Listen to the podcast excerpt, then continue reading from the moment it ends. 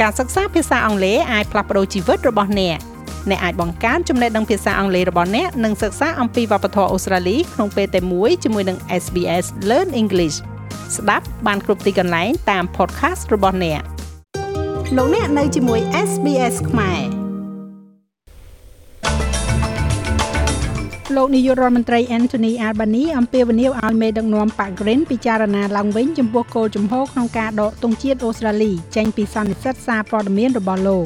ប្រតិបត្តិការទីផ្សារធម្មពលអូស្ត្រាលីទទួលយកវិធីសាស្ត្រជាដំណាក់កាលដំណាក់កាលដើម្បីលុបចោលការផ្អាកទីផ្សារអគិសនីរដ្ឋ Victoria បានក្លាយទៅជារដ្ឋដំបូងគេដែលហាម5ជាផ្លូវការចំពោះការប្រើនិមិត្តសញ្ញាសម្គាល់របស់ Nazi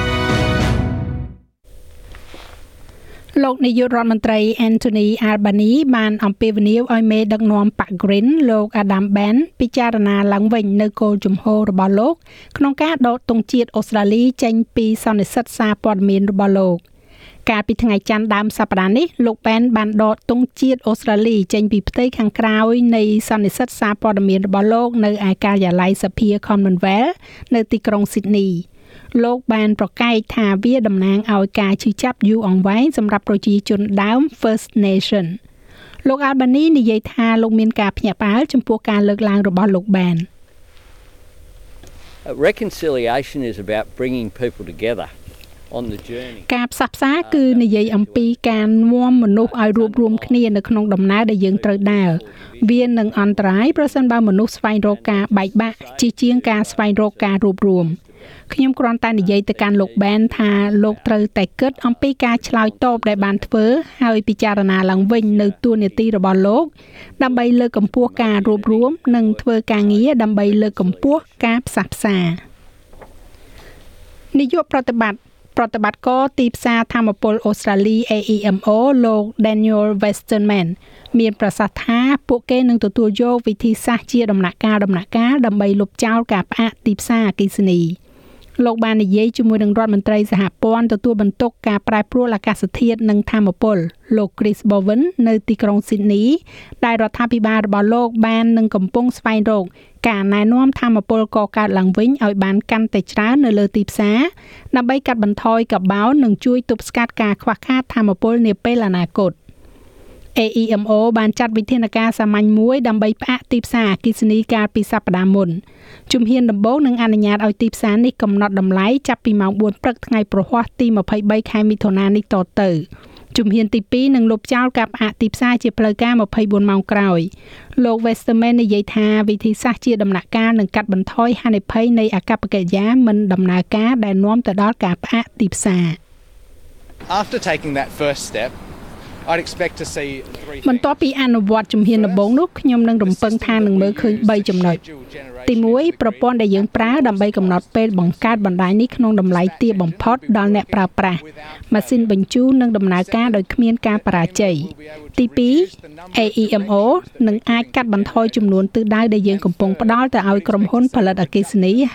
ហើយទី3យើងនឹងរំពឹងថានឹងឃើញការថយចុះនៃការព្យាករកង្វះធម្មពលឬក៏ទុនបំរុងទាប នៅពេលដែលក្រុមហ៊ុនផលិតអគ្គិសនីឆ្លើយតបទៅនឹងសញ្ញាទីផ្សារទាំងនោះលោកដូមិនិកប៉េរ៉ូតេអភិបាលរដ្ឋ New South Wales មានប្រសាសន៍ថាកោតកម្មគ្រូបង្រៀនដែលបានគ្រោងទុកនោះគឺពិតជាមិនអាចទទួលយកបាននោះទេ គេរំពឹងថាគ្រូបង្រៀនសាលាកាតូលិកនិងសាលារដ្ឋចំនួន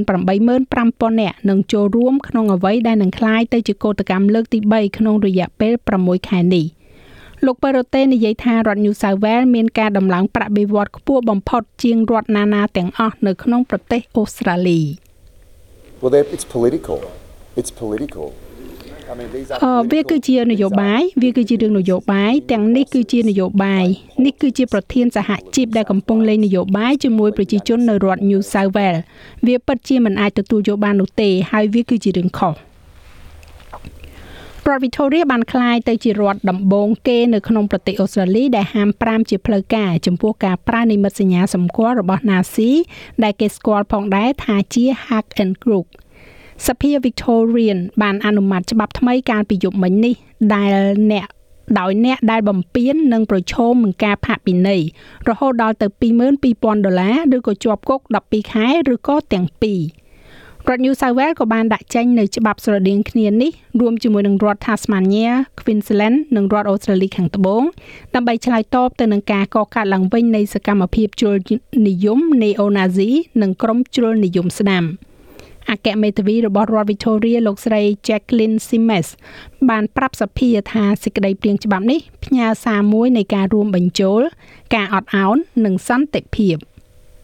We are immensely proud of this landmark legislation to ban the public ជាមួយនឹងសេចក្តីព្រាងច្បាប់នេះយើងកំពុងផ្ញើសារច្បាស់លាស់មួយនៃការរួមបញ្ចូលការអត់ឱននិងសន្តិភាពហើយយើងកំពុងបង្កើតប្រវត្តិសាស្ត្រនៅក្នុងប្រទេសអូស្ត្រាលីផងដែរយើងមានមោទនភាពយ៉ាងខ្លាំងចំពោះច្បាប់ដ៏សំខាន់នេះដើម្បីហាមឃាត់និមិត្តសញ្ញាស្អប់ខ្ពើមរបស់ Nazi គឺ Hack and Crook រូបសញ្ញាបែបសាសនានៃនិមិត្តសញ្ញាដែលភ្ជាប់ទៅនឹងជំនឿជាក់លាក់មួយចំនួន នៅតែស្របច្បាប់ខណៈពេលដែលនឹងមានការលើកលែងមួយចំនួនផងដែរសម្រាប់គោលបំណងប្រវត្តិសាស្ត្រការអប់រំនិងសិល្បៈរដ្ឋមន្ត្រីទទួលបន្ទុកខាងផ្នែកពហុវប្បធម៌នៅរដ្ឋ New South Wales លោក Marco មានប្រសាសន៍ថា សហគមន៍ចម្រុះវប្បធម៌គឺស្ថិតក្នុងចំណោមអ្នកដ៏ឈ្នះដ៏ធំមួយនៅក្នុងកញ្ចប់ថវិកាកាលពីយប់មិញនេះ ប្រាក់ចំនួន28លានដុល្លារកំពុងត្រូវបានបែងចែកសម្រាប់ផ្ដល់មូលនិធិដល់គំនិតព្រួយផ្ដើមនិងសកម្មភាពមួយចំនួនរួមទាំង16លានដុល្លារសម្រាប់ការគ្រប់គ្រងសេវាកម្មភាសា និង2លានដុល្លារដើម្បីជំរុញព្រឹត្តិការណ៍វប្បធម៌សហគមន៍លោកខបានប្រាប់ SPS Arabic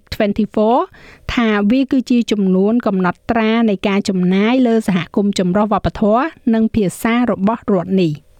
Uh, what we're seeing is for the first time អ្វីដែលយើងកំពុងនិយាយនោះគឺវាជាលើកដំបូងដែលមិនធ្លាប់មានក្នុងប្រវត្តិសាស្ត្ររដ្ឋ New South Wales យើងកំពុងវិនិយោគប្រាក់ជាច្រើនទៅក្នុងអនាគតពហុវប្បធម៌របស់រដ្ឋយើង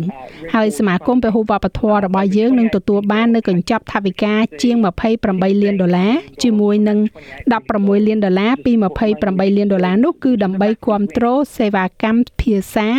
ដែលជាការឈ្នះដ៏ធំមួយ។ ប្រធានាធិបតីមេស៊ីកូលោក Andres Manuel Lopez Obrador និយាយថាលោកនឹងស្នើឲ្យប្រធានាធិបតីសហរដ្ឋអាមេរិកលោក Joe Biden ដោះស្រាយករណីលោក Julian Assange ដោយនិយាយថាប្រទេសមេស៊ីកូនឹងបើកទ្វារទទួលស្ថាបនិក WikiLeaks រូបនេះប្រសិនបើលោកត្រូវបានដោះលែងរដ្ឋមន្ត្រីក្រសួងមហាផ្ទៃចក្រភពអង់គ្លេស Priti Patel កាលពីថ្ងៃសុក្រ បានអនុម័តការធ្វើបច្ចាប័នលោកអាសាញទៅកាន់សហរដ្ឋអាមេរិកដើម្បីឲ្យប្រឈមមុខនឹងបទចោទប្រកាន់ព្រហ្មទណ្ឌភរិយារបស់លោកអាសាញបានប្រាជ្ញាថានឹងតស៊ូដោយប្រើគ្រប់មធ្យោបាយផ្លូវច្បាប់ទាំងអស់ដែលអាចធ្វើទៅបានលោកអូប្រាដឺនិយាយថាលោកចាត់ទុកលោកអាសាញជាអ្នកកសែតដ៏ល្អបំផុតនៅសម័យយើងនេះ debe de prevalecer el humanismo ខ្ញុំចង់និយាយថាខ្ញុំនឹងស្នើឲ្យប្រធានាធិបតីអាមេរិកលោក Biden ដោះស្រាយករណីរបស់លោក Julian Assange មនុស្សជាតិនិយមត្រូវតែឈ្នះមេស៊ីកូបើកទ្វារប្រទេសរបស់ខ្លួនទទួលលោកអាសាញក្នុងករណីដែលលោកត្រូវបានដោះលែងមានយន្តការក្នុងការធ្វើរឿងនេះ។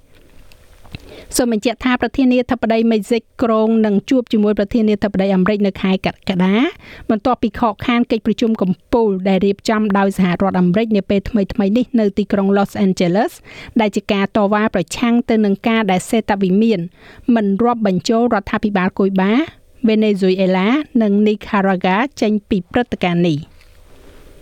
នៅក្នុងប្រទេសកម្ពុជាឯនោះវិញបេក្ខជនជាប់ឆ្នោតជាមេឃុំចំណាលើក្នុងស្រុកស្ទោខេត្តកំពង់ធំលោកញឹមសរំដែលមកពីគណៈបកភ្លើងទៀនត្រូវបានសមត្ថកិច្ចចាប់ខ្លួនកាលពីរសៀលម្សិលមិញនេះការចាប់ខ្លួនធ្វើឡើងក្រៅបទចោតប្រកាន់ពីបទប្លន់កាលពីខែតុលាឆ្នាំ2022លោកថៃសេថាអនុប្រធានគណៈបកភ្លើងទៀនបានចាត់ទុករឿងនេះថាជារឿងនយោបាយ។ សំណុំរឿងដែលយកមកចាប់ខ្លួនគាត់ហ្នឹងមានតាំងពីតេតិនទៅតាំងពីឆ្នាំ2002ម្ល៉េះហើយដីកាហ្នឹងឃើញចេញមកឆ្នាំ2012ហើយបែរជាមកទៅទៅចាប់ខ្លួនពេលដែលគាត់បជាប់ជាបេក្ខជនជាមេមេឃុំនៅចនាលើនេះប៉ុន្តែគាត់មានរតនាហេតុអីក៏ដីកានេះតឡាការនេះមិនចាប់ខ្លួនគាត់នៅពេលនោះ ចាស់លោកមេងផល្លានឹងជួនសេចក្តីរាយការណ៍លម្អិតនៅវគ្គក្រោយបន្ថែមទៀតឬលោកអ្នកអាចចូលស្ដាប់របាយការណ៍ពេញលើគេហទំព័ររបស់យើងនោះគឺ sps.com.au/ ខ្មែរអតីតគ្រូបង្វឹកហែលទឹកម្នាក់ត្រូវបានចោទប្រកាន់ពីបទរំលោភផ្លូវភេទលើក្មេងស្រីជំទង់ដែលគាត់បានវឹកហាត់នៅភូមិខាងត្បូងនៃទីក្រុងស៊ីដនីកាលពីជាង40ឆ្នាំមុន បរិះវ័យ76ឆ្នាំម្នាក់ដែលត្រូវបានគេជឿថាជា គ្រូបង្វឹកអ្នកហែលទឹកដែលមានកេរ្តិ៍ឈ្មោះនឹងយុស័កត្រូវបានចាប់ខ្លួននៅផ្ទះមួយនៅ Condell Park កាលពីថ្ងៃពុធស្នងការស្ដីទីលោក Chris Nicholson មានប្រសាសន៍ថាបរិះរូបនេះត្រូវបានចោទប្រកាន់ពីបទអូក្រិដ្ឋចំនួន9ករណីតាក់ទងទៅនឹងក្មេងស្រីដែលមានអាយុ15និង16ឆ្នាំនៅពេលប្រព្រឹត្តបទល្មើស លោកប្រឈមមុខនឹងការចោទប្រកាន់អំពីការប្រព្រឹត្តកាមគុណចំនួន6ករណីនិងការចោទប្រកាន់ពីបទរំលោភបំពានយ៉ាងអាហាភាសចំនួន3ករណីចំណែកឯអត្រាប្តូរប្រាក់វិញនៅថ្ងៃនេះ1ដុល្លារអូស្ត្រាលីមានតម្លៃជាង69សេនប្រាក់ដុល្លារអាមេរិកត្រូវនឹងជាង2800រៀលប្រាក់រៀលខ្មែរ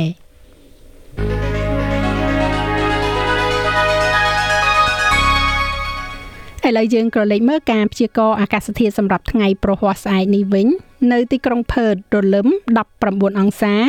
បើកថ្ងៃនៅអាដាលេដ18អង្សា មានពពកនៅមែលប៊ន17អង្សា រលឹមនៅហូបាត16អង្សា មានពពកនៅខេនបេរ៉ា14អង្សា ទីក្រុងស៊ីដនីបើកថ្ងៃ19អង្សា ដូចគ្នានៅ Brisbane 23អង្សា ទីក្រុង Cairns មានពពក26អង្សា បើកថ្ងៃនៅ Darwin 32អង្សា មានផ្គររន្ទះទីក្រុងភ្នំពេញ33អង្សា